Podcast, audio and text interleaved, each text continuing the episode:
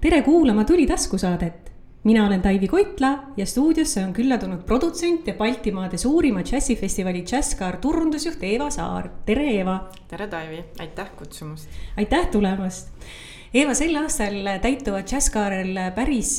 ja Jazzcariga seonduvalt päris mitu põnevat numbrit, et Jazzcar peaks minu arvutuste järgi sel aastal toimuma juba kolmekümne kolmandat aastat järjest seekord siis on kolmekümne neljas festival, et esimest korda oli aastal tuhat üheksasada üheksakümmend mhm. ja nüüd on kolmekümne neljas kord. ja see üks ümmargune number meil on veel lähenemas, et Anne Erm saab see september kaheksakümmend ja ta on ikka Ui. veel festivali juures ja panustab äh, programmi ja meie tegemistesse oma südamest iga päev ja mõtleb ainult Eesti džässi heaolule. oi kui tore, nii ilus sissejuhatus, aga paar olulist numbrit veel lisaks sellele fantastilisele uudisele, et kaheksakümnes juubel Annel sel aastal on. on ka see, et suur projekt Saja lugu tähistab sel aastal viiendat aastat juba, et on nii kiiresti see aeg möödunud ja, ja kõige olulisem ehk siis tänase saatekülalise kontekstis on see, et kui mu luureandmed mind ei peta, siis sinul peaks sel aastal Jazzcaras kümnes aasta täituma jah, et äh, seda on niimoodi raske isegi arvutada, sest alguses ma liitusin Jatskariga, aitasin ainult turunduse poole pealt ja siis vahepeal oli paus äh, nii-öelda igapäevatöös, aga jah, et tõesti niimoodi on, et et ma olen päris kaua Jatskaras olnud ja hea meelega seda džässi pisikut koos Anne ja meie meeskonnaga süstin eestlastesse oota, aga teeme selle ka kohe selgeks, et eh, kuidas siis on korrektne öelda jatskaar või džässkaar? tegelikult on õige öelda jatskaar, Anne on selle niimoodi äh, vormistanud, sellepärast et äh, nimi on tulnud äh, sõnast jatskar, mis on siis äh, küla sihuke muusikapidu mm. ja, ja siis sealt on kuidagi lisatud sinna juurde siis see kaare sõna ja sealt on see kokku tulnud ja siis eestipäraselt on jatskar, aga ikkagi noh, kasutatakse igatpidi ja me oleme selles suhtes avatud erinevatele ütlemistele teistele, aga me ise proovime rohkem olla jätskaar. väga tore, aga siis jätskaarega ka jätkame, et et selle nimetusega siis, aga mitte nüüd jätskaare sisuga kui sellisega, et meil on väga ebaoriginaalselt saanud traditsiooniks meie kuulajatele tutvustada natukene sügavuti, kes meil külas on. ja sina ka ei pääse selle, sellest, et palun natukene räägi sellest, kust sa tuled, kes sa oled ja miks just sellised valikud ja otsused on vastu võetud ja et äh, Jätskaart ma liitusin siis tegelikult äh, Euroopa kultuuripealinn Tallinn kaks tuhat üksteist tiimist ja peale seda, kui siis see projekt sai läbi ja olin tegelikult Jätskaare partner selles meeskonnas ja tegin siis äh, nendega koos turundusprojekte, olin äh, kontakt nii-öelda turunduse poole pealt, aga tegime ka koos Tallinna merepäev ja teisi sündmuseid. ja kui nad otsisid meeskonda korralduseks turundusabi, siis siis nad on öelnud, et äh, see oli, äh, ma olin raske partner neile sealtpoolt, et väga hea on vaenlane jutumärkides oma tiimi meele, meelitada ja siis niimoodi oligi, et. miks sa raske partner olid siis? no sihuke võib-olla nõudlikum mm. ikkagi, et ähm, või noh, tahtsin parimat neile ja, ja ega siis, äh, kui mugavustsoonist välja rebida mm, -hmm. siis ju ei ole lihtne, et ähm, ja, ja enne seda ja jah, tõesti nii oli, et kultuuripealinnas ma töötasin siis algusest, kui see võimalus meie, meile tuli, kaks tuhat kaheksa. Ja korraks ma olin Tallinna Spordi- ja Noorsooametis ja enne seda tegelikult on siis äh, Hansapanga või tänase Swedbanki taust mul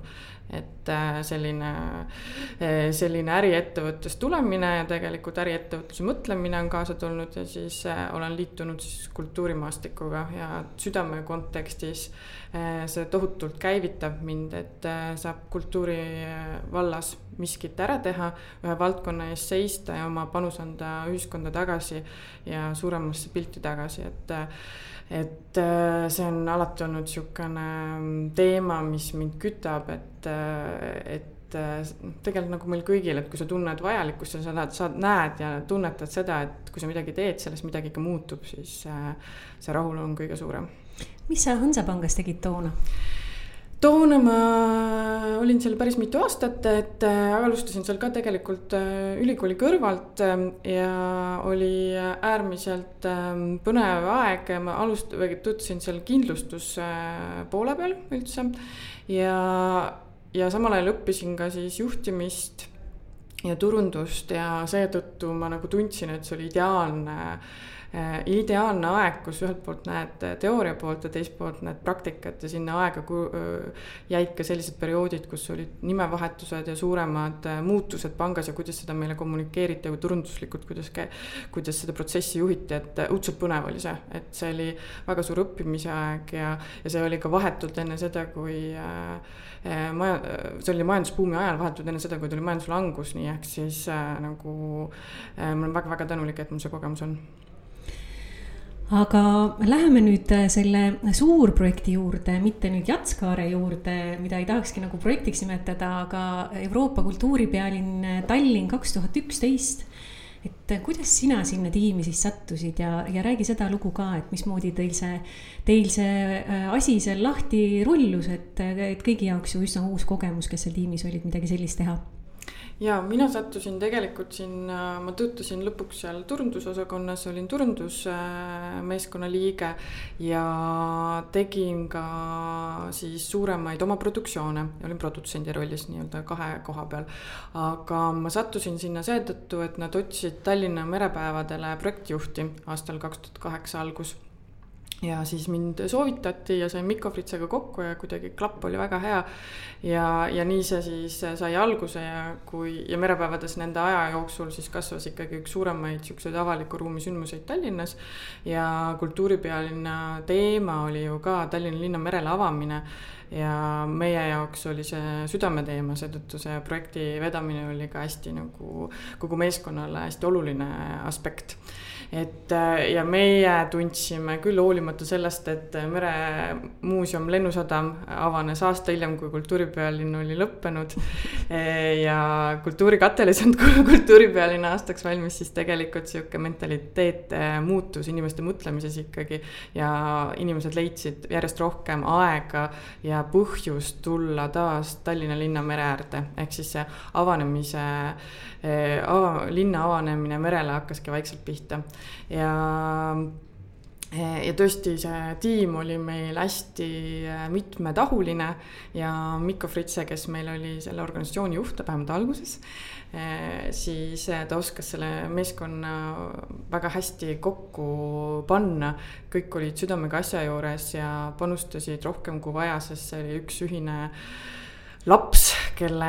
eest võidelda ja kelle käekäigu eest ähm, seista. ja siiamaani me tegelikult selle meeskonnaga saame kokku ja päris paljud äh, neist on jäänud kultuuri juurde, kuigi nad ei, võib-olla ei tulnud eelnevalt kõik kultuuritaustaga e,. ei olnud, aga nad on ikkagi jäänud nagu kultuuriprojektide juurde, et midagi selle, see kõik meis nagu sarnaselt käivitas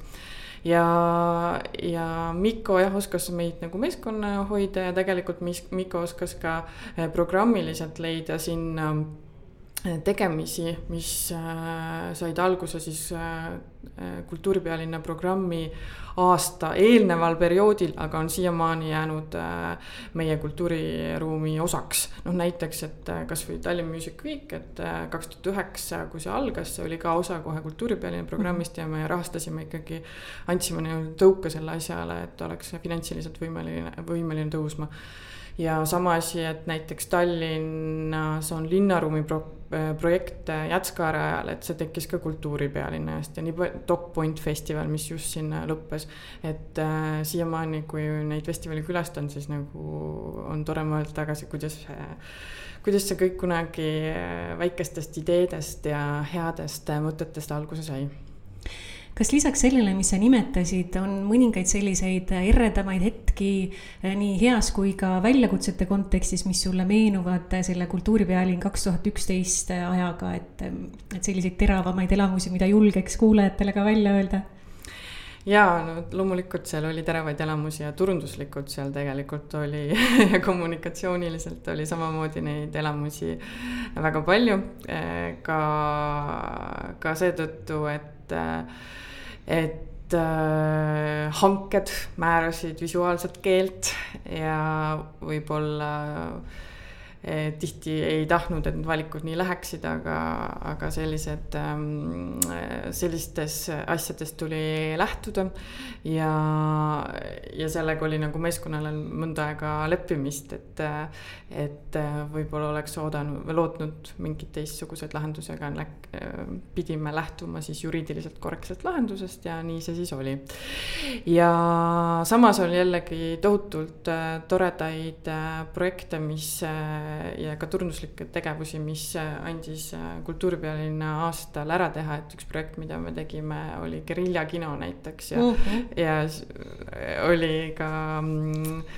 Viru keskuse katusel on ju, ja uh, -huh. ja siis äh, värvisime maja seinu, seintele tegime suured logod näiteks. ja kosmose kõrval. ja, siiamaani alles on ju. ei ole, ei ole või? ei ole, ei ole, see, see on minu... puhtaks tõmmatud see. okei okay,, minu arust ta veel oli siin lähiajal alles peab kontrollima, mina mäletan, et see päris mitu aastat tagasi tõmmati puhtaks, aga jaa, et see oli, see oli pikalt oli seal mm -hmm. maja seina peal. et jah, et selles suhtes oli tore nagu see andis võimaluse mõelda teistmoodi ja tegelikult see seltskond ja meie partnerid, kes tegid neid häid projekte, nad tulid ka kaasa sihukeste ja nad ise pakkusid välja siukseid teistsuguseid lahendusi mm -hmm. ja, ja see tõesti oli nagu äh,, nagu põnev aeg, aeg turunduslikult ja nagu aus vastus on ka see, et lõpuks oli ka nagu kultuuriruumis võib-olla rohkem rohkem raha, et turunduslikult midagi teistmoodi mm -hmm. ka mhm. teha. et see korraks nagu kõigutas paati ja tulid, tulid mõnusad lahendused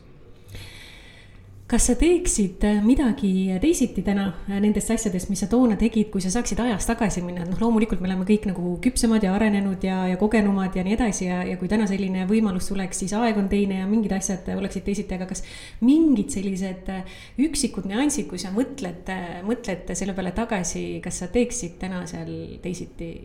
või tahaksid teha teisiti? On midagi jäänud niimoodi nagu kripeldama ka? tead, kultuuripealinna mõttes vist äh, mitte, et need asjad, mis kripeldama jäid, need olid meie peade koha, kohal ja neid otseselt ei saanud muuta, et, äh, et, et meie püüdsime just seista nii palju kui võimalik nende projektide eest ja, ja nende ideede eest mm. -hmm. et aga loomulikult me ikkagi sattusime natukene ka sellesse ringi, et mis poliitiliselt toimus ja mm, -hmm. ja mis valikuid tehti meist üle, meie üleval, nii et et selles suhtes jah, et võib-olla neid muudatusi ei ole, ei tahaks ei ta-, ei tahaks või oleks muutnud ajalugu, oleks võinud teistmoodi olla, Mikko Fritz oleks võinud meiega olla lõpuni, on ju. aga, aga nii on olnud ja, ja tegime kindlasti meeskonna parima selles olukorras no praegu Tartu ju valmistub sarnaseks positsiooniks kahe tuhande kahekümne neljandal aastal siis Euroopa kultuuripealinn Tartu on. et kas, kas sa oskaksid, tahaksid või saaksid anda neile ka nõu, mida näiteks sa oleksid tahtnud enne teada, kui sa Tallinn kaks tuhat ühteteist, üheteistkümnendasse sukeldusid, et on sul mingisuguseid selliseid tarku näpunäiteid no,? ja eks ma ikka olen suhelnud ka nende meeskonnaga mm -hmm. ja meie teised tiimiliikmed samamoodi, et ähm, ja mõnigi meist seal on siia äh,, on nende nendega partner ka praegu, kes oli Tallinna ajal. et äh, kindlasti oli üks äh, periood, mida me oleme neile öelnud, äh, oli just see, et see ettevalmistusperiood oli õudselt raske, et sul oli kogu aeg arutelud, diskussioonid, aeg läks, midagi tehtud ei saanud, siis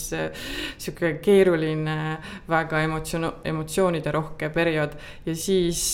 kui see aeg või see aasta jõudis kätte, siis tegelikult hakkasid kõik asjad juhtuma ja see oli palju lihtsam, see oli emotsionaalselt ka nii palju lihtsam. et, et see kui te jaksate ära oodata selle pika ettevalmistuse mm -hmm. aja, siis ma arvan, juba selle aasta eh, poolest või kolmveerand aasta pealt läheb teil juba see lõpp läheb ludinal et eh, jõudu lihtsalt. no väga tore, aga läheme siis Jatskaare juurde, et, eh, et Jatskaar on olnud vähemalt minu arvates, nii et vabandage kõiki minu kallutatust äh, siin julgelt isiklikke hinnanguid andmast, aga, aga minu meelest on olnud Eesti sellistest äh, pikaajalistest suurettevõtmistest, kui nii võib öelda, üks selliseid äh, usaldusväärsemaid ja, ja parema mainega võrreldes teistega just seetõttu, et osatakse partnereid hoida ja austada ja, ja korraldatakse alati hästi kvaliteetselt. ja hästi suurt rolli on siin mänginud ka see, et väga paljud Jätskaare või Jätskaare, kuidas see, kuidas ma pean ütlema, ütle. ütle nii, kuidas tuleb, ära muretse et Jätskaare tiimist on äh, olnud väga pikalt selles meeskonnas et sellise edu äh, saladuseks on ka kokkuhoidev ja püsiv meeskond, et ei vahetu iga paari aasta tagant või aasta tagant inimesed, et. et selle tõttu ma ei küsi su käest sellist küsimust, et miks sa jätkuvalt oled innustatud seal töötama, kui kümnend juba saab täis, vaid küsin hoopis seda, et kas selle aja jooksul, selle peagi äh, täituva kümne aasta jooksul on tekkinud selliseid olukordi, kus sa tunned, et mingil põhjusel sa enam ei suuda või ei saa või ei jaksa või, või, või tahad lihtsalt nagu korraks kõrvale astuda, et loodan, et Anne Erm ei pane nüüd su ausat vastust pahaks, kui sa tegelikult sa ise vastad selle küsimusele juba ära, et kui äh, sul äh, olles jah, et olles töötanud erinevate allu-, ülemuste alluvuses, siis Anne on selles mõttes ikkagi väga eriline mm. -hmm. et ta on äh, selle valdkonna eest äh, südamega väljas ja äh, kõige suurem fänn üldse ja kogu aeg tunneb muret, et Eesti džässil läheb hästi, läheks hästi. ja et Eesti džässmuusikud tõuseksid rahvusvahelisel areenil veel rohkem esile. ja kui sa vaatad Annet ja mõtled, et, et, et tema saab kohe kaheksakümmend ja on ikka veel nii elurõõmus ja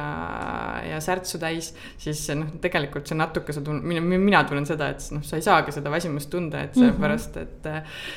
et, et kuidas tema jaksab ja kuidas sina siis ei jaksa. aga kindlasti on üks teine hea asi on see, et äh, meil on aasta on suhteliselt intensiivne ja meie meeskond on tegelikult äh, väike ja me teeme, täidame mitmeid rolle, aga suvel on see periood, kus me saame siis äh, natuke rahulikumalt võtta ja tegelikult see on väga inspireeriv aeg seetõttu, et on äh, võimalust külastada teisi džässifestivale ja vaimustuda sellest muusikast, mida me siis ise ka pakume ja otsida artiste ja külastada nende kontserte. et äh, see on nagu sihukene vaimutoit, mis sealt tuleb ja, ja, ja mis on nagu, mis siis nagu selle tohutult kiire ja väsitava perioodi siis nagu ära tasakaalustab. nii et sa ridade vahelt mulle praegu vastasid, et sul ei ole kordagi olnud sellist tunnet, et astuks välja korraks? tead, ei ole ja teine asi on see, et, et noh, Jätskare kõrvalt ma teen ju ka muid asju, et mm, -hmm. et äh, mul on oma ettevõte, mille alt ma teen siis turundustegevusi ja produktsioonitegevusi ja, ja see, et kui sa kogu aeg sul on võimalus astuda korraks kõrvale vahepeal ja vaadata muid asju, siis see väsimus ei, kindlasti ei ole ka nii lihtne tulema. et, et sihuke tasakaal on väljas, et noh, et kui sa sellesse asjasse ka liiga ise ära ei upu, siis on ka lihtsam hoida pead, pead kindlasti vee peal tuleme kultuuriürituste korraldamise juurde nüüd konkreetsemalt, et äh, kultuuriürituste turundamine on äh, oluliselt teistsugune, kui on erasektori äh, igapäevane turundamine. Ja tihti on raske just erasektoril ja kohati ka avalikul sektoril mõista seda, et kultuuriüritusi ja kultuuriga seonduvat ei saa alati sellise tavapärase ärimudeli järgi korraldada, et piletitulu katab ära korralduskulud. et kultuuri ürituste toimumise jaoks on vaja ikkagi päris palju väliseid partnereid kaasata. et kuidas sinu kogemus on olnud nende õigete partnerite leidmisel ja, ja kas on läinud ajas paremaks see äh, mõistmine, suhtumine ja, ja, ja, ja või on läinud äh, kehvemaks ja kuidas see nagu inimesena nagu kurnab, sest küsida ei ole ju kunagi nagu mugav, et see on üsna mm. ebamugav olukord kõikidele kultuurikorraldajatele minna jälle kuhugi ettevõttesse ja küsima, et kas nad oleksid valmis nagu toetama, et. et kuidas täna olukord on, et kas sa näed, et on, on, on igal aastal tuleb nullist alustada või, või asjad nagu paranevad või, või mis need suurimad kitsaskohad ja probleemid on ja levinumad klišeed sinu meelest mm? -hmm. ma alustan siis täitsa võib-olla nagu taga, suure ringiga su küsimusele vastamist, et et noh, esiteks üldse, et miks meil kultuurisektoris on vaja toetuseid, et äh, hästi ausalt öeldes, et enne Covidi aega Jatskare eelarve oli orienteerivalt niimoodi et, et nelikümmend protsenti oli piletitulu ja kolmkümmend protsenti oli eratoetajad ja kolmkümmend protsenti oli avaliku sektori toetajad ja võib-olla see nelikümmend protsenti piletitulu isegi oli rohkem vahel mingitel perioodidel nelikümmend viis, viiskümmend, oleneb aastast, on ju. ja, ja miks siis on tõesti niimoodi, et piletitulust ei saa siis oma kulusid kaetud, et, tegelikult see on seetõttu, et äh, meil on äh, festivalina ja teistel kultuurisündmustel samamoodi on püstitatud teatud eesmärgid ja me peame seisma siis Jätskaare kontekstis äh, džässivaldkonna arengu eest Eestis ja tooma Eestisse siis Euroopa ja Skandinaavia ja, ja maailma ägedamaid džässitippe, aga samas ka tutvustama Eesti džässiartiste, andma võimaluse Eesti ja välisartistide koostööks ja noh, reaalsus on niimoodi, et äh, kui sa pead kogu are-, kui sa pead äh, seisma valdkonna arengu eest, siis sa ei saa teha ainult neid artiste, kel, keda on väga lihtne müüa ja kes täidavad suured mhm. saalid mm, -hmm. sa pead tegema ka seda, et Eesti artistid on ka suure lava peal, kuigi ta võib-olla ei müü saali välja, aga see on vajalik meile selle valdkonna arengu eest. või tooma natukene raskemat džässi või äh, pakkuma koostööprojekte, tellima uut heliloomingut ja nendega,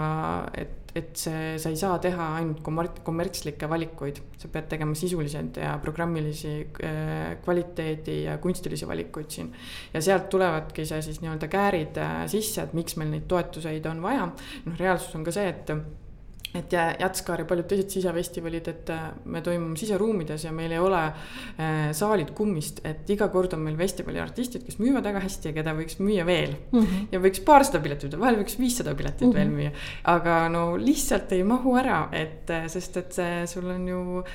turvaeeskirjad, kui palju sa võid saali inimesi lasta sa ei saa lihtsalt müüa rohkem pileteid. ja välifestivalid on tihti see, et okei okay,, et noh, et sul on täis, aga natuke nihutame kuskilt natuke piirdeaeda ja nii edasi, et paneme viissada inimest veel, paneme tuhat inimest veel, see ei ole ka lõputu loomulikult, aga seal on nagu seda mänguruumi rohkem. ja see paneb siis nagu teised piirangud ja lõpuks on see, et noh, kasum tuleb ju massist, et seda massi nagu sellise nišitoote puhul nii väga tegelikult äh, lihtne ei ole saavutada, kuigi ma pean ütlema, tegelikult Jätskaarel on väga hästi läinud, et meil on äh, väga, väga head publikunumbrid et, et see on see põhjus tõesti, et miks me peame siis ka riiklike ja eratoetajate peale vaatama. Ja Anne kokkuvõte on olnud see, et aastatega on läinud see palju-palju lihtsamaks, et kui ta kunagi alustas, siis ta tõesti oli, räägib seda lugu, et ta võttis telefoniraamatu ette, hakkas sealt järjest mm -hmm firmasid läbi helistama, et eh, meil seda täna ei ole, et, et täna me ikkagi ja sponsorluse puhul üldse, et kasum või siis mõlemale poolele kõige parem väljapaistvus on siis, kui see koostöö on pikaajaline mm, -hmm. mitte ühekordsete sutsakutega. ja seda me nagu hästi tore on näha, et paljud partnerid on meil pikaajalised, vaikselt tuleb äh, mõningaid partnereid juurde ja mõned on ka vahel lahkunud, aga pigem on see, et, et need äh, inimesed ja need firmad on meiega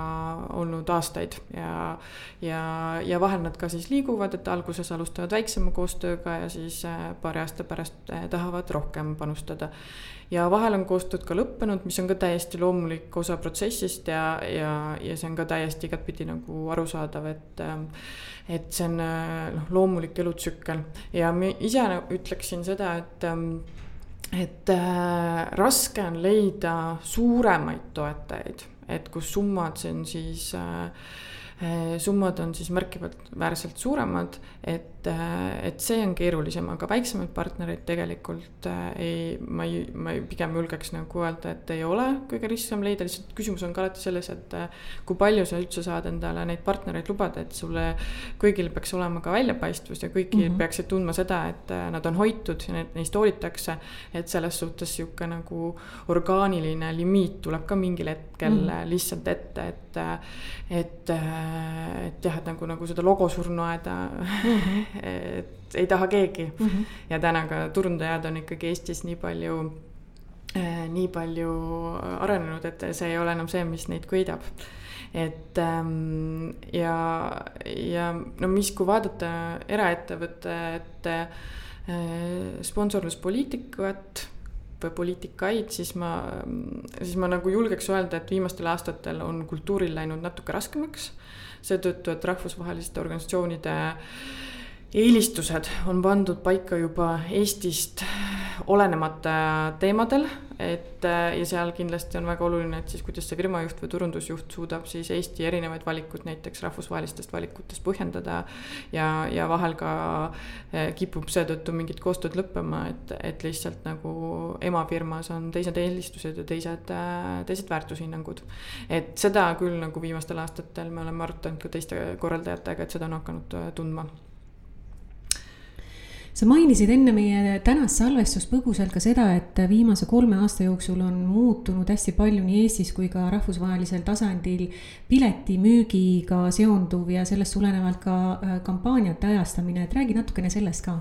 ja tõesti nii on, et äh, enne Covidi aega siis äh, pileteid osteti ette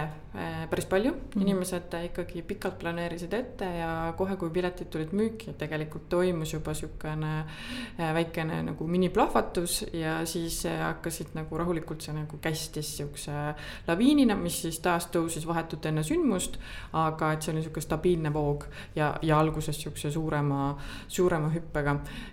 Covidi aeg siis tekitas tõesti selle, et inimesed enam ei julenud pileteid ette osta. Ja, ja kui ma vaatan Jatskare statistikat, siis kaks tuhat kakskümmend kaks aasta näitas kevadel, aprillis et, et nelikümmend protsenti piletitest osteti viimasel nädalal või äh, samal päeval ehk siis, et sa pead kontrollima esiteks, et kas see artist üldse jõu-, üldse jõuab Eestisse, kas mm -hmm. sa oled ise terve, kas su kaaskond on terve ja et kas sa saad sinna sündmusele minna. et äh, ja see on ka korraldamises teinud kindlasti olukorra, kus sa pead teistsuguseid valikuid tegema, et, äh, et kui su organisatsioonil ei ole stabiilseid rahavooge, siis tegelikult ka turunduse mõttes sa ei saa väga suuri kulusid lubada kohe Äh, infoga välja tulla, sest sul lihtsalt ei ole katet, on ju. Mhm. ja, ja suurem rahavoog saabub sündmuse ähm, eelneval siis ajal või siis sündmuse ajal. et äh, see on kindlasti pannud siis ka publikut, publiku teine käitumine on pannud korraldajaid ja turundajaid teistmoodi mõtlema. Jatskaare puhul ka äh, pidime või oleme noh, muutnud seetõttu ka strateegiaid, kuna muutujaid on nii palju olnud ja kaks tuhat kakskümmend kaks vähem, aga kaks tuhat kakskümmend üks ja kaks tuhat kakskümmend olid ajad, kus artist oli välja kuulutatud ja no ja siis reaalselt juhtuski see, et ähm, et näiteks artist jõuab Eestisse, aga avastatakse Covid ja ta ei saa lavale minna mm -hmm. ja, ja või siis eelneval eelneval, eelnevas riigis, kus ta parasjagu viibis ja andis kontserti, avastati miskit ja ta ei saa Eestisse tulla. ja, ja see on tekitanud noh, selle, et, et asjad on läinud hästi palju elektroonilisemaks ja sotsiaalmeedia äh, põhisemaks niikuinii et niikuinii need juba olid ja need trendid olid kohal, aga et lihtsalt, et sul on operatiivselt operatiivsus olemas, et kui sul tulevad muudatusi, siis sa saad neid muudatusi kiiresti teha, et äh.... kuidas teil sellel kriisi ajal üldsegi läks, et seesama näide, mis sa just tõid, et äh, selgub vahetult enne esinemist, et ei saagi kontserti korraldada või siis ei saa Eestisse tulla mingil põhjusel siit äh, üle lahe või nii, aga välja oli juba kuulutatud Äh, sponsorid olid oma osa äh, maksnud, et aga, aga kulud ju jätkuvalt on, et noh, kuidas te sellest nagu välja tulite, mis, mis meetmeid rakendasite, kuidas sponsoritele põhjendasite, kas, kas oli vastastikune mõistmine olemas või? ja, et äh, esiteks peab ütlema, et äh, kui meie riiklikud süsteemid on olnud Eestis ikkagi suhteliselt siuksed ähm, strict või korrektsed ja hoiavad kindlaid äh, nagu vorme, siis äh, hästi tore oli, et äh, nii Kultuuriministeerium, Kultuurkapitali kui ka EAS tegelikult suhtusid olukorda hästi mõistvalt, andsid pikendusi. see, et programm muutus ja kui sa asendasid teise artistiga, see ei olnud enam probleem. ja, ja ja lubati neid kõiki neid nii-öelda eh, mugavdusi, mis me siis seoses Covidiga pidime tegema, noh näiteks Jatskare puhul oli see aastal kaks tuhat kakskümmend. aprillis pidi toimuma, aga näe, toimus oktoobris on ju, pidi mhm. olema kümme päeva, oi näe, oli kuus päeva, aga ikkagi nagu rahvusvahelised artistid olid kohal ja mhm. Eesti artistidele saime tööd anda ja sektorile saime tööd anda. et see on väga-väga oluline, et see majandus, noh, kultuur on ka majanduse käivitaja, on ju, et see ratas ei jäänud seisma, et ikkagi see, me suutsime siis nagu tegutseda ja lisaks oli lisaks oli tegelikult äh, toetused ja Jatskaar selles mõttes on õnnelik, et, et meie saime äh, Covidi toetusi tegelikult riigilt ja see hoidis meid elus. ja sellel ajal ka muutus reaalselt see, et kui ma ennem ütlesin, et eelarve mõtles nelikümmend, nelikümmend viis, viiskümmend protsenti oli piletitulu, siis Covidi aastatel kaks tuhat kakskümmend, kaks tuhat kakskümmend üks oli ikkagi reaalselt see, et riiklikud toetused kasvasid pigem sinna nelikümmend, viiskümmend protsendini. sest et piletitulu meil ühel aastal näitas hästi ausalt öeldes, et noh, põhimõtteliselt äh, järgi oli üks kolmandik sellest, mis tavaliselt on ju, mhm. et see on ikkagi mega-mega suured langused. ja noh, sellepärast ka, et äh, et suuri inimmasse ei tohtinud kokku mm -hmm. lubada, et sa ei saanud lihtsalt inimesi saali lubada. ja, ja me jäime sel, seetõttu ellu ja, ja te, loomulikult me olime ka ääretult konservatiivse eelarvega, võtsime kõik kulud nulli, püüdsime nagu äh, Eh, mõelda hästi ratsionaalselt ja hästi tore oli näha seda, et, et et nendel aastatel jõudis riigi toetuste juurde palju ettevõtteid kultuurisektoris, kes ennem seda ei olnud kasutanud, kellel ei olnud seda vaja olnud. et loomulikult võib-olla need summad ei olnud piisavad kõigile, mida oleks keegi tahtnud, aga et väga palju sai said tänu sellele el-, ellu jääda, aga ka liiguti sektorist välja. et selles suhtes see periood oli nagu äh, see oli ikkagi keeruline, aga teistpidi ükski halb asi ei ole heata, et see sundis äh, läbi mõtlema neid protsesse, mis majas tehakse, mis valikuid tehakse, mistõttu. ja seetõttu nagu ikkagi ma ütleks, et sellest tuli ka nagu sihukest sisulist kvaliteeti organisatsiooni juhtimisse ja organisatsiooni nagu tegutsemisse juurde. ja, ja tore oli see, et ka kultuurivaldkond pani seljad kokku, meil tekkis sihuke rühmitus nagu Knopka kus me siis seisime kultuurisektori eest ühiselt ja, ja põhjendasime ja tutvustasime ja seletasime seda, kuidas kultuur on majanduse mootor ja eh, ka Riigikogus eh, kultuurikomisjonile või peaministrile ja eh, rahandusministrile, et noh, tõesti nagu lisaks Kultuuriministeeriumile siis tegelikult avalikkuse tähelepanu ja otsustajate tähelepanu suunasime kultuurivaldkonnale. Aga tulles korraks selle eelmise küsimuse juurde tagasi, mis puudutas seda muutunuid, muutunud piletimüügi või piletiostuharjumusi, et kuidas siis kaks tuhat kakskümmend kolm on alanud, et teil on peagi uus äh, festival algamas, et kas, kas jätkub seesama, mis sa kirjeldasid pileti ostuharjumuste osas, mis viimasel paaril aastal on äh, juurdunud või on juba näha väikeseid selliseid muutusi? jah, et äh, tegelikult oli tore näha jõuludžässiga juba mõned kuud tagasi, et meil oli suur hüpe siis alguses, kui piletid tulid müüki ja siis oli sihuke stabiilne müük kogu aeg ja, ja ei olnud sellist nagu nii-öelda tavalist Covidi aegset olukorda, kus hüpe müügil tõusis just vahetult enne sündmuse toimumist. ja Jätskaarde piletid tulid müüki nüüd eelmisel nädalal. ja ja praegu meil algas see müük väga hästi, ma ei oska veel öelda, sest et mul ei ole seda pikka vaadet. et, äh, et kas see on sama kui kaks tuhat kakskümmend kaks, aga ma tahaks loota, äh, vaadates tagasi jõuludžässile, et, äh, et see tuleb stabiilsem, et praegu see müük, mis meil oli, oli enam-vähem sama ja natukene parem kui eelmine aasta. ehk siis, et järsku on ikkagi see inimeste Covidi hirm on ära kadunud mm, -hmm. et tahaks loota küll, et see nii on, nüüd on liikunud liikumas sinna suunas räägime korraks natukene laiemalt ka kultuuriürituste korraldamisest või sellest piletimüügist või sellest turundamisest täpsemalt siis, et kuidas inimesteni jõuda. et Jazzcar või Jats, Jatskaar, väga, väga harjumatu on seda öelda, Jatskaar on noh, oma austajate südamesse pugenud juba ammu, aga on ka selliseid äh,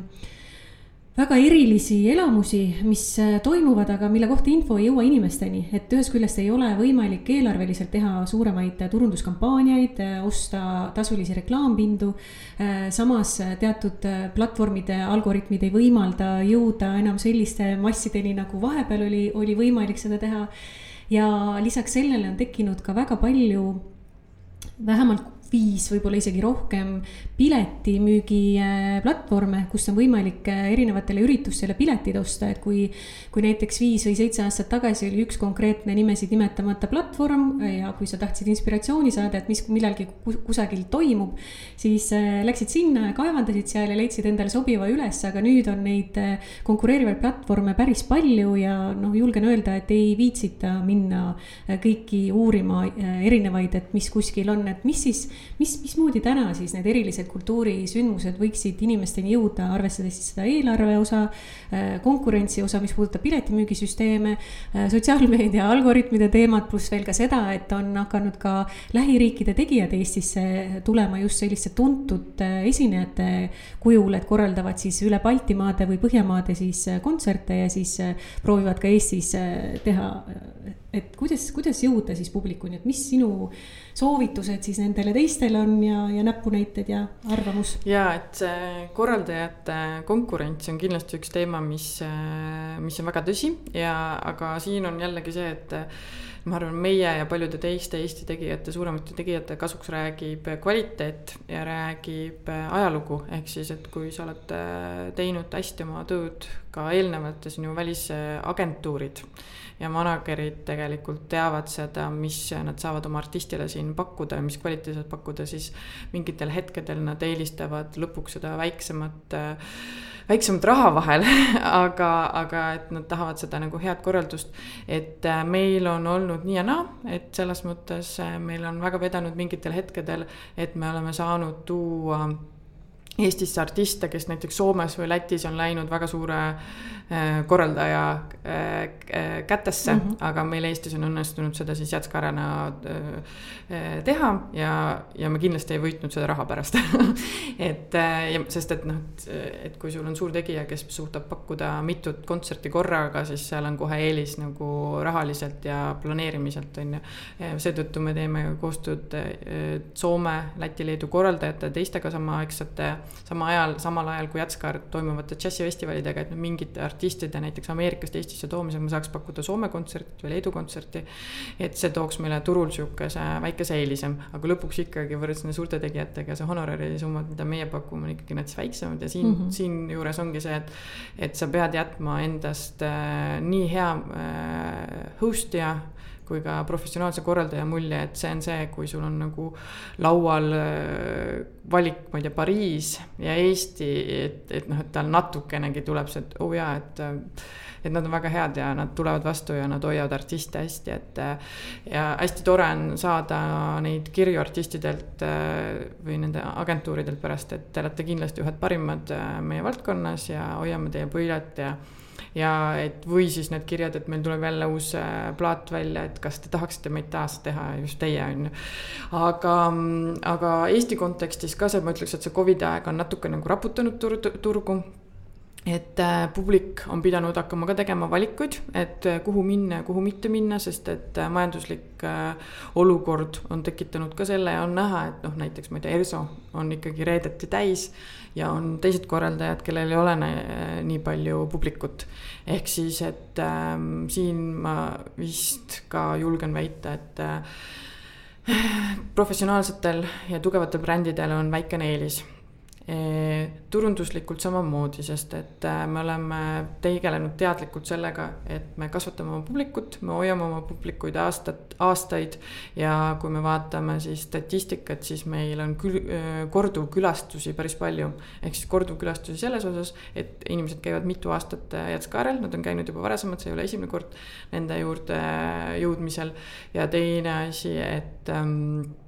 et nad käivad ühel festivalil mitu korda ja seoses sellega, et neid äh, meelitada ühel festivalil käima mitu korda. Jätskar on äh, teinud äh, aastaid nii-öelda turunduslikku otsust tegelikult. aga see võib tunduda piletimüügi otsus, aga see tegelikult on turunduslik otse, otsus, et alguses on piletid müügil suure allahindlusega ja see tekitab olukorra, kus siis programm hakkab ennast ise levitama, ehk siis, et kui me kuulutame programmi välja, seal on kindlasti alati neid artiste, kes tekitavad kiheluse südamesse. aga on mingid nimed, keda sa võib-olla veel kohe ei tea, aga sa usaldad Jätskare kvaliteeti ja tutvud nendega ja. ja siis hiljem ostad selle pileti ikkagi ja kui seal on veel allahindluse aspekt ka, siis sa teed äh, paratamatult seda, et sa hakkad soovitama ka seda oma sõpradele ja siis nii-öelda programm hakkab ennast äh, ise turundama ja, ja see on ka noh, teistpidi selleks, et need kõige suuremad džässifännid, et nad saaksid käia mitmel kontserdil meie festivalil ja me ei äh, hammustaks suurt tükki nende rahakotis, sest et meie, meie eripära on veel see, et me ei müü festival, me ei müü, müü ainult festivalipassi või päevapassi. me müüme üksikuid kontserdipileteid, seetõttu meie turunduses tihti on ka hästi palju rõhku sellele, et me tahame tutvustada neid artiste ja, ja jõuda ka kommunikatsioonis lisaks turundusele siis nagu sisuliste intervjuudeni, sisuliste tutvuste, tutvustamisteni. aga reaalsus on see, et et neid nimesid on nii palju, et, et kõik ei, ähm, kõik ei saa pikki artikleid ja suuri tutvustusi, intervjuusid ähm, teles, raadios, äh, ajalehtedes on ju. et äh, tuleb teha mingeid valikuid ja ka tihti, mis siis nagu äh, meediakanalile sobiv on. et ehk siis see on niisugune nagu pidev kliendi ja oma siis fänni hoidmise töö ja ka natuke sihuke usalduse küsimus, et kui sa veel ei tea, et siis sa ikkagi nagu siis sa ikkagi mingil hetkel äh, usaldad meie valikut ja julged enda nii-öelda äh, maailmapilti avardada täiesti tundmatu nimega esialgu, aga pärast megaelamusega olles ka ise džässkaarel, jatskaarel olnud äh, sage külaline, on mulle jäänud tihti kõrva see, et artist või esineja lava peal vaatab publikut ja ütleb, et, et nii teistmoodi publik on kui tavaliselt. et mille poolest siis Eesti publik teistest jatsu publikutest erineb? jaa, see on väga hea tähelepanek, et tõesti nii on, et ka meie väliskülalised, välisajakirjanikud, välisdelegaadid lisaks artistidele ütlevad seda, et meie publik on noorem palju noorem, et keskmine vanus on meil kolmkümmend üheksa eh, aastat, ehk siis, aga juhtub vahel nii, et sa käid eh, välisfestivalidel ja siis keskmine vanus on ikkagi meesterahvas ja, ja kui sa vaatad veel rõdult alla põrandale, siis sa näed, et oi, et kiilakad ka veel ehk siis, aga meil on tõesti nii, et kui me statistikat vaatame, siis on naisi rohkem kui mehi ja naine ju teeb ka tihtilugu oma kaaslase eest ostuotsuse ja, ja see vanus on nii palju noorem ja sellega on jälle samamoodi on siis teadlikult tegeletud, mis osa on nagu turunduslikust äh, aspektist, osa on programmilisest aspektist. ehk siis, et äh, meil on tasuta programm selleks, et äh, inimesed saaksid osa ja ei kardaks džässi ja näeksid, et džässil on ka pehmemaid pooli. meil on klubikontserdid õhtuses vööndis seetõttu, et kui sa võib-olla free jazz'i veel nautida ei taha, siis sa leiad endale ikkagi sihukest südame, südamepaitust ja natukene kergemat ähm, hingamist ka meie festivalil ja see on ikkagi tekitanud selle, et kui sa ühe korra käid juba seal klubi asjal ja siis järgmine aasta järsku veel, aga siis mingil hetkel sa julged vaadata ka natukene raskemat asja ja niimoodi sa publikut vaikselt äh, kasvatad. kui palju on äh, viimastel aegadel kokkupuuteid sellega, et äh, et artistid ikkagi on natuke skeptilised Eestisse tulemise osas, et mis see Eesti õige on. et meile tundub äh, see juba natukene naljakas teema, et mitukümmend aastat me peame rääkima, et me oleme täitsa normaalne riik, kuhu esinema tulla aga hiljuti minu meelest äh, Neil Cooley oli see, kes ka lava peal oli ikkagi üsna hämmingus, et äh, kirjeldas ka seda, kuidas ta eelmine kord, vist oli kakskümmend aastat tagasi, käis Eestis ja, ja noh, liialdamata, milline pommiauk Tallinn oli, et siis,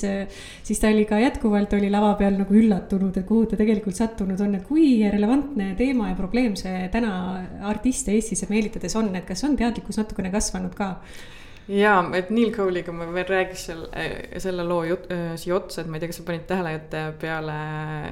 aprilli ta andis välja uue loo, mille pealkiri oli Tallinn oh.. ja siis Neil kirjutaski selle siis Tallinnas olles meil festivalil, ta tuli minu meelest üks päev varem käis meil eelmistel päeval ka kontserditel ja siis ta vaade meie hotelli aknast niimoodi inspireeris ja siis hängimine siin meie, meie festivalil ja siin olemine. mis ta ja... nägi hotelli aknast siis? ta nägi tegelikult, ma ei ma ei tea, kas tohiks hotelli nime välja öelda aga, aga ta nägi siis ka sinule väga oma tuttavlikku vaadet eh, Tammsaare pargi ja vanalinna peale ja, ja siis tuligi lugu Tallinn ja täna see Spotify's kuuleb, kogub kuulamisi mm. ja nagu noh, nagu maailma to tore to tore ju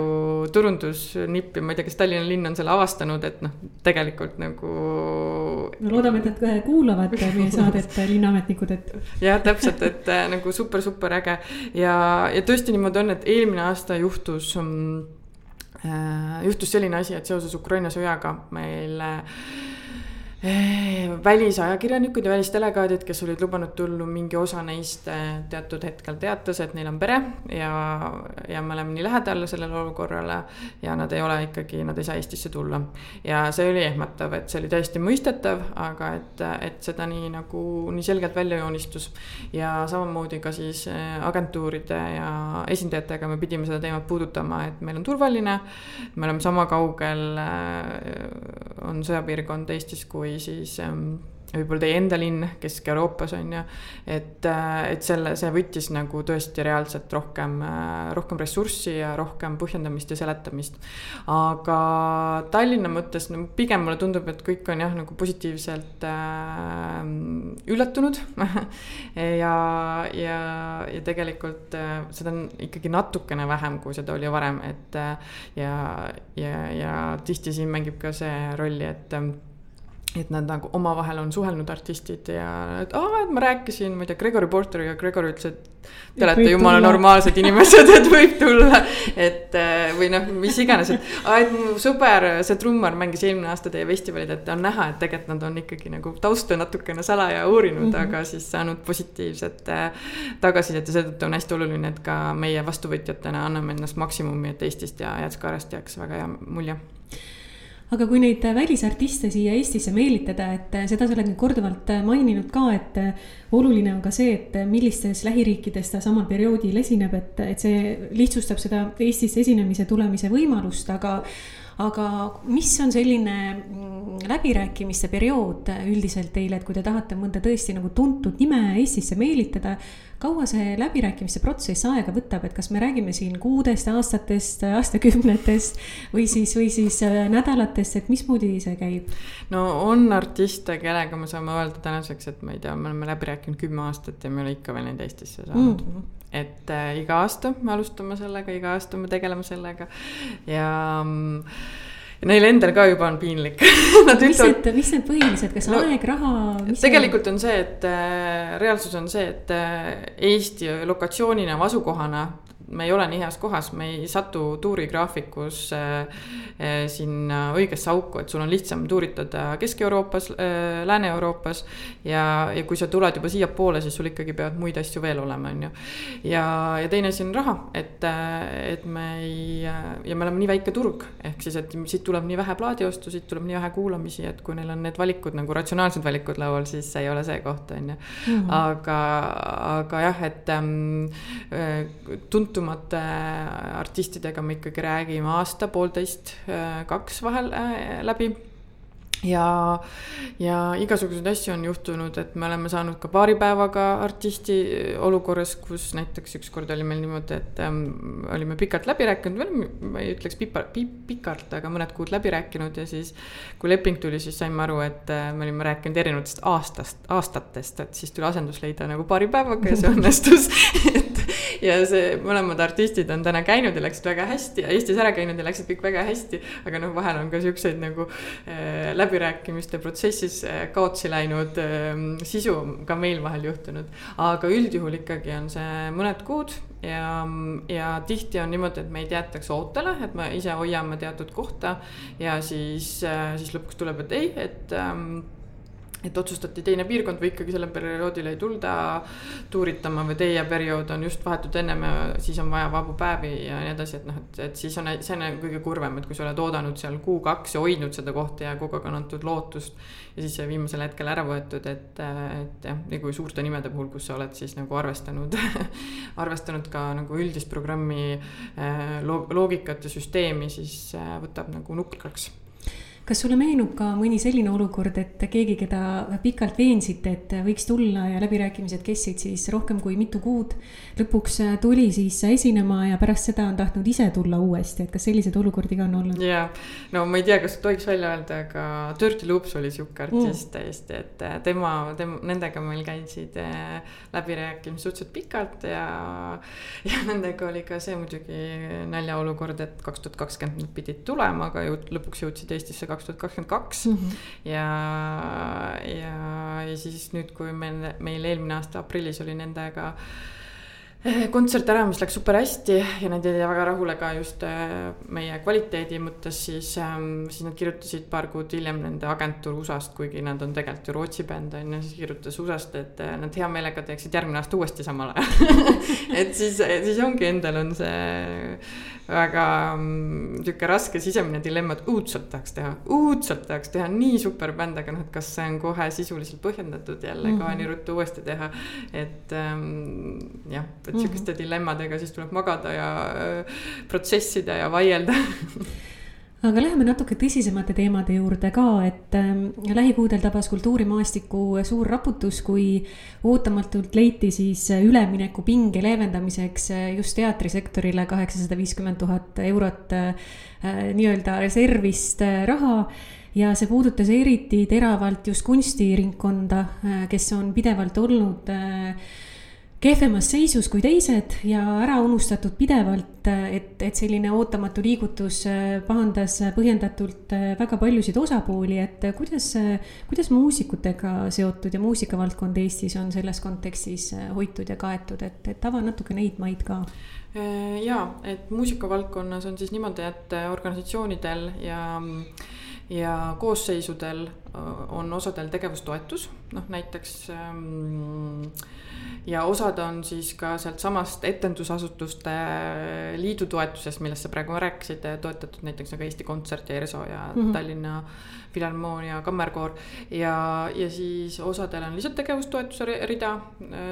mis on siis, mida ei ole palju, aga on täitsa olemas, noh, ma ei tea, Tallinna Muusikaviik, Arvo Pärdi Keskus ja, ja siis on komisjonid ehk siis ehk ehk sul on või meil on aastas võimalik siis kaks korda esitada taotlusi ja saada siis komis-, komisjoni otsusega toetust. Need, kes komisjonis on äh, nii-öelda toetatavad komisjonidest, et äh, tõesti, et kui eelmine sügis äh, valitsus lubas äh, lubas kõigile siis äh, kerget tõusu valdkonnas toetuste osas ja ma arvan, et tegevustoetuste puhul see tegelikult ka niimoodi on läinud, et äh, nad on pidanud katma lubatud palgatoetust, sest et nad äh, seal, seal siis on nii-öelda palk on sõltuvuses ka sellest, et nad on riigi, riigi rea peal. siis noh, meie puhul see ei ole niimoodi, et, et meid see kuidagi ei mõjutanud, et kultuurisektori keskmine palk tõusis ja paljusid teisi tegijaid on samasugused, kes on nii-öelda eraettevõtjad ja keda see absoluutselt ei mõjuta. ja ja, ja kui sa oled komisjoni poole peal, saad toetust, siis sa tegelikult sõltud sellest, et äh, isikkoosseisust, kes äh, lõpuks äh, teeb neid otsuseid. ja, ja ka sellest, et noh, mis need valikud on, et ega need summad tegelikult on ju noh, see aasta tõusid natukene, aga sündmused on palju juurde tulnud. -hmm. ehk siis ja tänaseks ei ole tulnud vastuseid, ehk siis ma ei oska sulle öelda, meil on Jätskare programm välja kuulutatud, ma tegelikult ei oska öelda, mis meie riiklik toetus on mm. -hmm ja, ja lõpukokkuvõttes me olemegi selles kohas, kus sa pead tegema valiku, et kas sa vähendad siis nagu piletimüügi perioodi. ehk siis arvatavasti sa ei müü nii palju pileteid või, või sa jääd, kui sa jääd ootama seda vastust, et sa saaksid teha veel sisulisi muudatusi, jätta midagi ära, teha midagi rohkemat, kui see summa on teada, või siis võtma riski ja panema Eh, programmi välja ja, ja panema mm, asjad müüki, et meie läksime see aasta selle peale, et äh, me võtsime riski ja teadmata, mis meie toetus on, siis ähm, siis äh, panime siis nii-öelda asjad lukku et, äh, et selles suhtes muusikasektor on äh, võrreldes äh, võib-olla Etendusasutuste Liidu ja mingite teiste valdkondadega on ka keeruline valdkond, sest meil on hästi palju tegijaid, meil on hästi palju korraldajaid. ja loomulikult, et äh, kunstivaldkonnal on äh, kõige keerum-, keerulisem seetõttu, et mhm. need summad, mis seal liiguvad, on palju-palju väiksemad kui see, mis on äh, teistes valdkondades, et arhitektuur ja kunst vist olid need viimased kaks mm, -hmm. mis olid kultuuriministeeriumi poolt kõige vähem toetatud mm. -hmm. aga muusikavaldkonna üks nii-öelda päästerõngas on praegu olnud äh, fakt, et äh, Tallinn kannab UNESCO muusikalinna tiitlit. ja mis on hästi tore, et eelmine aasta tuli näiteks äh, Tallinna linna poolt toetused klubidele ehk siis muusikaklubidele, et äh, ja sihukest asja, noh, sellist nagu asja ei ole, sellist meedet ei ole varem olnud. et, et ikkagi nagu mingid ähm, võimalused siis, kui mitte ministeeriumi poolt, siis äh, linna poolt on nüüd muusikasektori tekkinud, aga kindlasti nagu kui sa, kui vaadata erinevaid žanreid, siis muusikavaldkonnas on konkurents kõige suurem. ja ega väga kellelgi need toetused ei ole tõusnud aga korraks veel äh, eraldi muusikutest rääkides, et äh, kas sa selle teemaga oled ka kursis, et äh, noh, loomeinimeste osas on olnud ka aastaid teemaks see, et puudub ravikindlustus paljudel loomeinimestel, et kas see puudutab ka muusikuid ja muusikavaldkonda ja mis siin saaks paremini teha? ma pean ütlema, et ma võin teha liiga, aga et päris palju muusikuid tegelikult on, on OÜ-d ja majandavad igapäevaselt siis oma ettevõtete all. lisaks sellele tihtilugu on osad neist ka tööl kuskil mujal no,. õnnelikud on need, kes on muusikavaldkonda saanud jääda ja ei pea tegema absoluutselt muid asju, noh, et a la on õpetajad kuskil kõrgkoolis mm -hmm. ja samal ajal siis on oma firma alt teevad esinemisi või heliloomingut. et äh, tahaks, ma tahaks öelda, et meil on see teema vähem aktuaalne võib-olla kui mõnes teises žanris, aga siiski, et, äh, et see muusikavaldkonna siseselt on ka erinev, et äh, rütmimuusikud ehk siis džässimuusikud on äh, kindlasti need, kellel on rohkem võimalusi ka muudes ähm, muusikažanrites üles astuda, et noh vahel astuvad folkbändiga ülesse, kuna nad on väga head instrumentalistid. vahel võib-olla toetavad isegi klassikalisema teose puhul äh, oma, oma piljumänguoskusega mõnda suuremat orkestrit ja nii edasi. aga võib-olla piiratumad on siin klassikalise muusika artistid, et, et kellel ei ole see nagu ampluaa nii suur aga hüppame siit äh, Jatskaare juurde tagasi siis äh, korraks rõõmsamate teemadega edasi minnes, et Anne Erm on alati osanud suurepärased artistid üles leida ja lisaks sellele, et ta on äh, avastanud väga ägedaid tegijaid ja teie tiim ka kindlasti, äh, mitte siis Anne ainult võib-olla sajaprotsendiliselt ainuisikuliselt, aga lisaks sellele ma tean konkreetseid juhtumeid, kui on inspireeritud äh, Eesti artiste ka muusikat tegema ja albumeid välja andma, et, et selles osas on ka nagu Anne olnud hea sütitaja ja mingil perioodil te olete teinud ka sotsiaalmeedias selliseid sutsakaid ja küsinud ka publiku käest, et milliseid artiste te tahaksite näha, et kuidas teil praegu sellega on, et kas äh, juhindute ainult oma sellisest äh, sisetundest ja, ja heast ninast, mis teil kollektiivis on või küsite praegu ka publikult, et keda te tahaksite siin Eestis näha, et või olete jätnud selle mõneks ajaks pausile? ei, me tõesti seda me teeme suurima rõõmuga, et me küsime tagasisidet publikult ja minu arust me tegime just seda uuesti, kas no eelmine aasta novembris või detsembris siis vahetult enne seda jälle, kui me hästi intensiivselt hakkasime tööle Jatskare programmiga. eks see on täiesti osa nagu nii-öelda loomulikust elust, et publik peab ise ka saama võimaluse kaasa rääkida ja kõige toredam on see, et see publiku top ja meie enda Dream artistide äh, top, see on suhteliselt sarnane mm.. ja need on artistid, kellega me nagu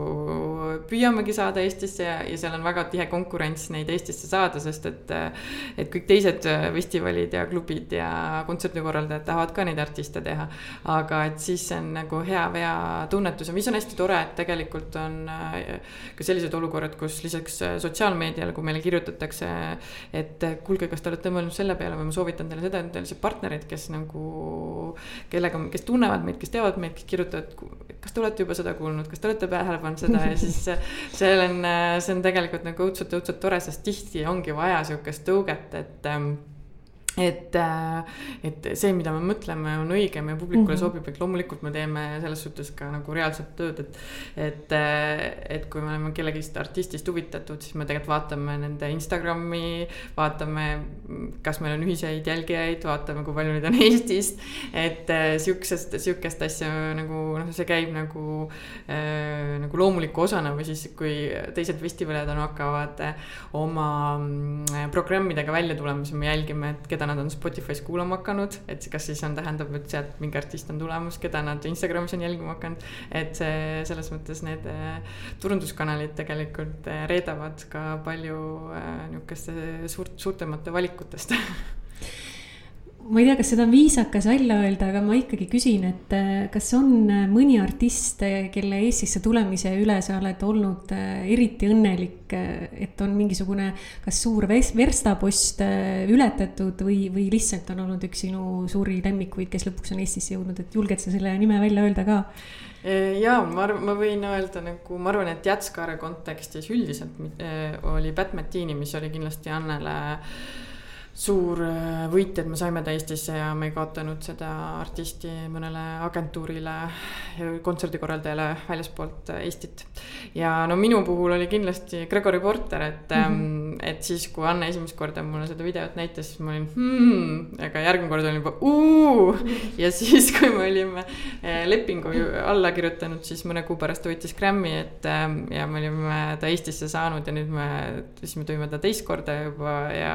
ja tegelikult täna temast on saanud staadioniartist, et ja see ja ükskõik, et kui ma näiteks käin North Jazzil ja ta ikka esineb seal, ma ikka vaimustun sellest, et kui ta teeb oma selle kahemeetrise kehaga teeb selle, selle suu lahti, siis see hääl, mis sealt tuleb, on niisugune, et külmavärinad jooksevad siiamaani äh, läbi no väga tore, räägime natukene Saja loost ka, et äh, Saja lugu äh, viienda sünnipäeva puhul siis astub uuesti üles teie eesseisvas programmis. kas lõpetab suisa selle programmi, eks? Et räägi natukene kuulajatele, kes võib-olla see ajalooga ei ole nii kursis, et millega tegu on ja kust see alguse sai, kuidas see kulges ja miks nüüd viiendaks sünnipäevaks uuesti otsustasite inimeste mälu värskendama tulla, tuua? see ajalugu on siis äh, tegelikult meie ühine laps, võib öelda, et ka sina olid selles projektis, et see kunagi teoks sai väga suur osaline. et äh, see oli kingitus siis Eesti Vabariigi sajandaks sünnipäevaks ja oli ähm, aastal kaks tuhat kaheksateist äh, Jatskare avakontsert. ja toimus siis äh, Noblessneri sadamalinnakus Angaaris mida enam täna ei ole, kus kunagi ehitati laevu ja mis oli tohutult massiivne ja eriline arhitektuuriliselt aga kus siis jah, tänaseks on, tänaseks seda maja enam ei ole. kas see on Kai kunstikeskus on seal sama koha peal või? Ei ole, tegelikult on natuke vaata sinna Lennusadama pooleli, et ta oli sealt seal, sealpoolses mhm. osas. ja et täna seal on elumaja, kas kohe valmimas või mhm. valminud, on ju et ähm, ja äh, selle projekti, kuigi see et, äh, nii-öelda publikuni on üks kaks tuhat kaheksateist, siis äh, seda ettevalmistus hakkas väga pikalt enne seda, sest et koguti ideid Eesti Vabariigi sajandaks sünnipäevaks ja minu meelest see protsess algas juba kaks tuhat kuusteist. Mhm. ja tegelikult sellel hetkel, kui oli see tunnetus, et Kaupo oli rääkinud meile oma siis saja inimese projektist, mida ta oli. Kaupo Kikas siis. Kaupo Kikas mm, -hmm. fotograaf, väga armas inimene meile ja väga pikalt aidanud Jätskart ka vabatahtliku fotograafina, siis äh, rääkinud oma ideest, kuida-, mis ta tegi äh, mida ta tegi siis Suurbritannias, siis me kohe sellest vaimustusime ja, ja siis, kui mõtlesime helilooja peale, siis äh, tundus, et Erki sellel hetkel ta veel ei olnud Erkki Pärnoja helilooja ja artistina draakonite väliselt nii tuntud, aga oli, temas oli, Anne juba nägi mingit sädet et äh, ja tekkis esimene duo ja sinna hiljem lisandus siis lavastajana Jaak Prints ja, ja siis ka dramaturgina Laur Kaunissaare. ja tõesti, see nii oli, et äh, mitme aasta vältel me pildistasime sada inimest üle Eesti ja Kaupo kohtus nende kõigi saja inimesega nende kodudes, nendel olulistes ähm, paikades. Ja, ja me jäädvustasime siis selle inimese nii fotol kui ka siis ka eh, tekstiliselt tema loo. Ja Erki lõi selleks muusika, mis on minu meelest siiamaani imeline et äh, ma näen, et sa naeratad ja noogutad, et eks see meid on mõlemaid nii tohutult puudutanud, et äh, ja, ja nüüd ähm, ja see oli, see jõudis publikule ainult ühel korral, see kaks tuhat kaheksateist aprillikuus äh, Karges äh, kevades ja need sada inimest olid seal kõik, äh, peaaegu kõik kohal. ja, ja rohkem see tervikuna ei ole kunagi publikuni jõudnud ja see oli ainult üks kord, see oli erakordne hetk ja, ja, ja, ja siis see oli läbi. see, hiljem tuli Erkil välja vinüül mm -hmm. ja Spotify's on täna paar lugu äh, miljoneid kuulamisi äh, kogunud ja elab täiesti see muusika oma elu. aga nüüd siis ka Erki tundis, et oleks aeg taas tervikuna see tuua publikuni, aga seekord siis koos orkestriga, ehk siis meil on orkester ja meil on äh, siis seesama ansambel, kes viis aastat tagasi olid äh, laval. ja kui eelmine kord nad olid laval, siis nad olid tegelikult inimeste selja taga, et inimesed mm -hmm. neid ei mhm. näinud mm, -hmm. siis nüüd nad on laval ja nüüd inimesed saavad neid ka päriselt näha. ja ähm, Rasmus Puur äh, teeb siis seaded ja, ja tekibki siis sellele samale projektile uus elu ja seekord lihtsalt meil ei ole neid sadat inimest äh, me, meiega laval, nagu oli see kaks tuhat kaheksateist, et kui ma mõtlen sellele tagasi, siis see on endiselt. külmavärinad on ju. jaa mm -hmm., täpselt väga tore, väga tore, loodan, et publik, kes jäi ilma sellest toona või, või kes ka sai osa sellest, sellest seal kohapeal, sellest erakordsest sündmusest, jõuab kõik sellele lõpukontserdile ka, et, et pileteid jätkuks ja kõik saaksid seda kogeda. aga tõmbame nüüd meie saate otsad toredasti kokku et ma natukene tõmban sul nüüd vaiba alt ära selles osas, et ma ei andnud sulle võimalust selle peale ette mõelda, aga olen kuulnud, et sa oled meie saateid varemgi kuulnud, et äkki sa oled juba natukene mõtisklenud nende küsimuste peale ka. et äh, tuleme korraks reklaami ja turundusjuttude juurde lõpetuseks tagasi, et, et äh, Jazzcar hea partner on olnud aastaid Putka ja olete ka kuldmune noppinud oma äh, vahvate kujundustega, et, et milline töö või lahendus või projekt äh, on sinu jaoks see, mis on väljaspool Jazzcard, millele sina näiteks annaksid äh, nii-öelda Eva Grand Prix? Äh, see võib olla lahendus, mis on sündinud võib-olla palju aastaid tagasi, võib-olla välismaine projekt, võib-olla Eesti projekt, et mingisuguseid selliseid raame siin ei ole, aga, aga see võiks olla midagi sellist, mille osas sa oled mõelnud, et nii ägedaid asju tehakse või siis, et oleks saanud ise selle peale tulla, et kas sa nüüd niimoodi ootamatult orgates suudad kohe välja pakkuda midagi sellist, kellele sa annaksid isiklikult ka no ma võiks anda erinevaid selles mõttes, et äh, ühte üldist ei tahaks anda, aga disaini mõttes mind tohutult äh, puudutas ja tegi kadedaks, äh, kui Tallinn Music Week, ma ei, ma nüüd ei tea seda aastat, aga sina kindlasti mäletad, kui neil oli see roheline ja roosa ja, ja siis see on siiamaani nagu visuaal minu meelest, mis muusikafestivalidest on Eestist üks ägedamaid olnud. Ja, ja see oli Aku väga hea töö ja, ja õudselt puudutab. et, et sellest kindla-, kiidaks neid kindlasti, samamoodi Intsikurmu disainid on muusikafestivalide kontekstis olnud mõningatel aastatel tohutult, tohutult lõõvad. et ähm, ja noh, siin tulebki välja nagu see turunduslik eripära, et äh, Tallinn Music Weeki puhul ja Vintsi Kurmu ja Viljandi Folgi puhul sa müüd meeleolu rohkem ja sa saad müüa festivali passe. meie Jätskare puhul tegelikult hästi palju ka sõltume äh, üksikpiletite müügist ehk siis artisti müügist ja seetõttu meie visuaalides on ka artisti fotod hästi olulised. ja noh, turundusega kahjuks on seda, äh, tuleb öelda, et, äh, et müüb tumedanahaline naislauljatar kindlasti nagu visuaalselt selles kontekstis piletimüügi statistika mõttes väga hästi. aga ja, et kui, kui nagu öelda, et mis visuaal mulle kohe meelde tuleb, siis see on Tallinna, Tallinna Music kuigi ähm, äh, see ilus äh, rohe-roosa kombinatsioon, et väga-väga äh, hea töö. aga väga tore, olemegi jõudnud oma saatekesega ühele poole. aitäh, Eeva, et leidsid aega meile külla tulla. ja aitäh ka hea kuulaja. täna oli saates külas Jazzkaare produtsent ja turundusjuht Eeva Saar. mina olen Taivi Koitla salvestus toimus kuueteistkümnendal veebruaril kahe tuhande kahekümne kolmandal aastal Worklandi stuudios ja mingem siis kõik Jazzkaarele. aitäh kutsumast